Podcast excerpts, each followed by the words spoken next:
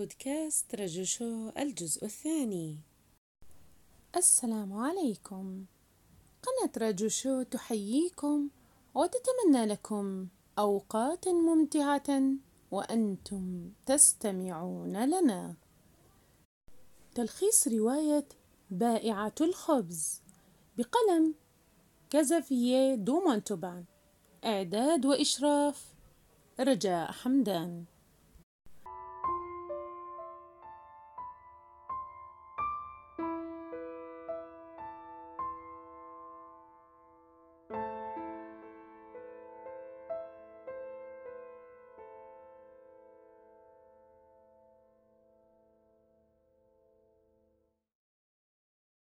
أخبرها عن أمر جان التي قال عنها كلاما طيبا جدا وعرض على شقيقته أن تعمل جان عندها لتدبر شؤون بيتها فوافقت على ذلك.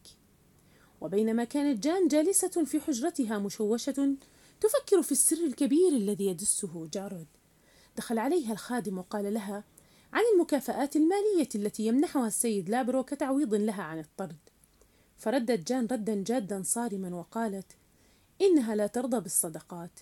فقال الخادم في ذاته لا ريب عندي من أنها تخفي في قلبها كرها وشرا له. وانصرف. ثم جاء المحاسب حتى يوبخ ويؤنب جان لأنه قد اشتم رائحة البترول مرة ثانية. فقالت له إني أضعه في زجاجات خاصة لآخذه إلى حجرتي الجديدة. يمكنك أن ترتاح وتطمئن بأنني لن أحرق المصنع قبل رحيلي. قال لها لطالما ضمر هذا الوجه الجميل البريء نية شريرة. ثم انصرف. جاء بعده جارد إلى الحجرة وأعطاها رسالة كتب فيها كل ما يريد أن يصالحها به. أخذت جان بالقراءة. عزيزتي جان غدا سأصبح من الأثرياء. سيكون بين يدي اختراع عظيم الرواج جليل النفع. سيدر علي مئات الألوف. وفي هذه الليلة سوف أكون في انتظارك الساعة الحادية عشر عند جسر شارنتون أخرجي بلا ندم من ذلك المصنع الذي مات فيه زوجك والذي طردك منه مالكه. تعالي إلى الذي يعشقك وهو متيم بحبك.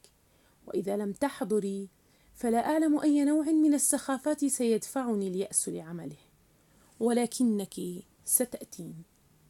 دهشت جان من الرسالة ورمتها في وجهه وسقطت على الأرض.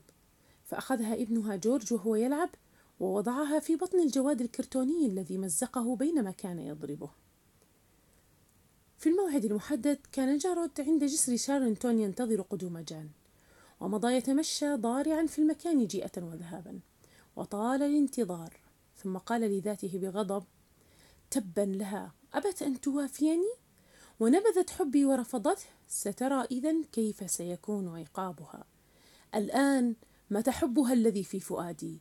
داست حبيبا بقدمها فليس لها عندي إلا الثأر. دخل جارود إلى المشغل من الباب الخلفي وأخذ أواني البترول وصبها فوق كومة من الخشب ثم سرق النقود ورسومات الاختراع لأداة الصقل وأشعل الكبريت وأحرق المكان. في هذه اللحظة كان السيد لابرو قد غادر القرية ورجع إلى مشغله الذي رآه أمام عينيه يحترق بكل ما فيه. فجرى مهرولا ليتبين الأمر. فتح الباب فرأى جارود ممسكا إحدى الأدوات التي حطم بها الخزانة الصغيرة الحديدية. انقض بسرعة جارود على السيد لابرو وطعنه في قلبه طعنة قوية كانت نهايته فيها. صرخ المطعون صيحة قوية. جاءت على صداها جان لترى القاتل جارود يمسك بالأداة الحادة في صدر السيد لابرو. علمت حينها جان أن تهمة القتل ستلتصق بها. فذهبت لتعثر على الرسالة كدليل براءة فلم تجد لها أثرا. انطلقت بولدها إلى خارج المشغل بينما تجمع الناس ومن ضمنهم جرد على باب المشغل. وكان جرد يسأل الحشود بشكل متعمد عن البوابة جان ويتابع حديثه عنها فيقول لقد طردها المدير فمن المؤكد أنها أشعلت النيران بالمصنع ثأرة. ثم انتقل جارود إلى الداخل وأخذ يصيح بأن جثة السيد لابرو هنا. ثم أخذ يصيح إنني أختنق إنني أموت. وراح الناس يقولون حزين مسكين جاك جارود لقد ذهب ضحية شجاعته. جاءت فرقة الشرطة لتحقق مع المحاسب. فقال إن من قام بإشعال المصنع هو البوابة جان فورتيه. حقدت على مالك المصنع لأنه حذرها منذ يومين بالاستغناء عن خدماتها وأنهى عملها. والآن فقد ذبحت شخصين في آن واحد هما السيد لابرو والسيد جاك جارود الذي دخل وتحطمت الجدران عليه واستحال علينا مساعدته. حملت جان ابنها وفرت هاربة وكانت لا تبرح تقول لذاتها أعلم أنهم سيتهمونني وقد ذهب الدليل الذي أركن إليه لأبرهن على براءتي. أشرقت الشمس وهي ما تزال منكبة على وجهها. ثم تركت ولدها يرقد على العشب وخرجت لتحضر له الطعام. وفي هذا الوقت كانت التحقيقات على قدم وساق وكل أفاد بما شاهده ولاحظه عن البوابة جان فورتيه. وكانت جان المتهمة الوحيدة فصاحبة الحانوت. قالت بأن جان قد ابتاعت من عندها زيت البترول وقالت لها بأنها تريد من ألفين إلى ثلاثة آلاف فرنك. فلا ريب بأنها سرقت مال المصنع وقتلت السيد لابرو وفرت, وفرت هاربة. وشهد الخادم ضدها أيضا. وفي منتصف الساعة السابعة من تلك الليلة كان القطار المتجه إلى الهافر يحتوي في أحد صالوناته الفاخرة. رجلا يدل شكله على أنه أحد رجال الأعمال الأغنياء. إنه بطلنا جاك جارود. فبعد ليلة المأساة تلك تسلل بخفية من الباب الخلفي وخرج إلى الهافر ونزل في أحد الفنادق بعد أن اتخذ اسم بول هيرمان اسم صاحبه الذي مات من فترة. قامت جان تنتزع قدميها من الأرض وتجر رجليها جرا بجهد كأنما دقتا بمسامير ومشت صوب قرية شيفري القريبة وذهبت إلى منزل الكاهن الأب فيليكس لوجيه الذي رضي أن تبقى في المنزل لحين استرداد صحتها. لقيت جان في بيت الأب لوجيه من الحنان ما بدد أحزانها.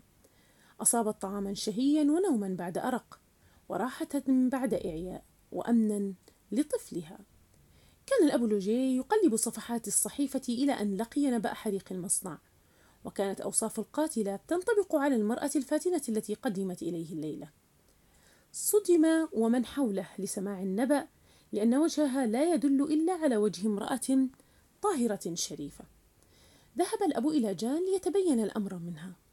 فقالت له وجان إنني ما, نز ما نزلت للقرية لأسكن فيها. أرجوك أن تجد لي عملا أستطيع من خلاله أن أعيل طفلي. ابنتي التي هجرتها عند مرضع الريف وولدي هذا جورج. وعندما سألها الكاهن عن اسمها علم أنها هي التي ذكرت في الصحيفة. فقالت له أقسم بابني هذا أني لم أرتكب تلك الجريمة. أشهد الله أني بريئة. ولكني هربت لأن الريب والشبهات تحيطني من كل جانب. وكان لدي برهان قاطع على براءتي ولكني خسرته. فلا شك بأن النار أكلته. وراحت جان تحكي له كل قصتها والأحداث. وأن جاك جارود هو القاتل. دهش الأب من ذلك. فقد جاء في الجريدة أنه قد توفي. فقالت جان هذه كذبة يا سيدي. إنه أشد الأنذال نذالة وخسة. حينها طرق باب المنزل وكان العمدة ومعه رجال الشرطة. أخذوا جان فورتيه وسط صياح ولدها الصغير. بينما قال لها الأب ارضي وأذعني لما هو آت إليك يا ابنتي. واطمئني فابنك لن يبعث إلى الملجأ. سأبقيه عندي وأهتم بأمره حتى تثبت براءتك. ومن المستحيل أن أتخلى عنك. وحملت كلاريس أخت الكاهن جورج.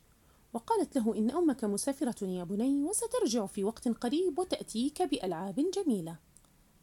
وقفت جان أمام القاضي ولم تكن تنطق, تنطق إلا بكلمة لم أحرق لم أقتل لم أسرق لم أفعل شيئا مشينا.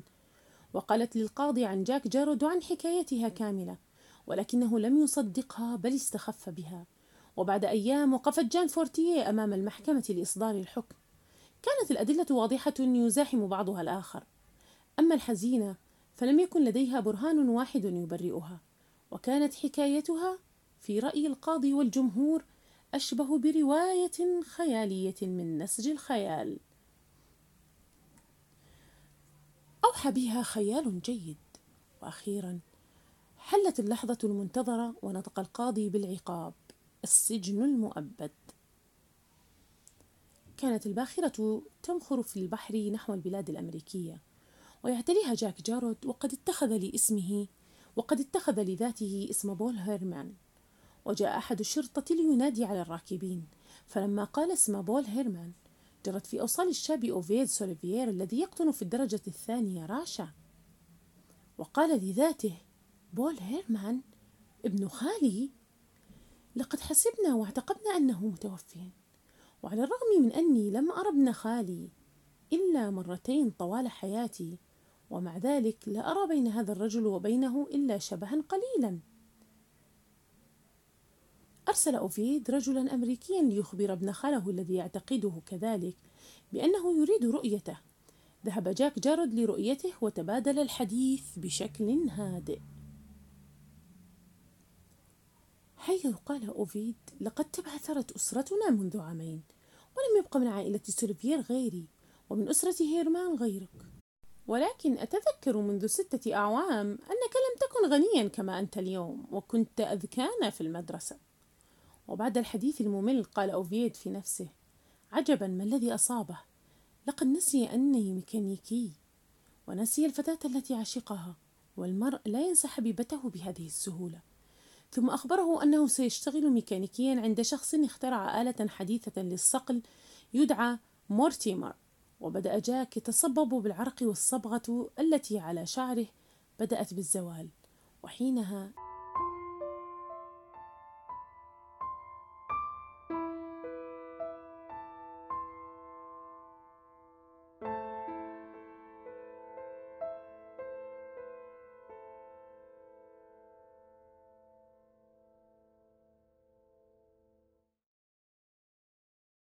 نهاية الجزء الثاني بودكاست رجو شو. إلى اللقاء في الجزء الثالث.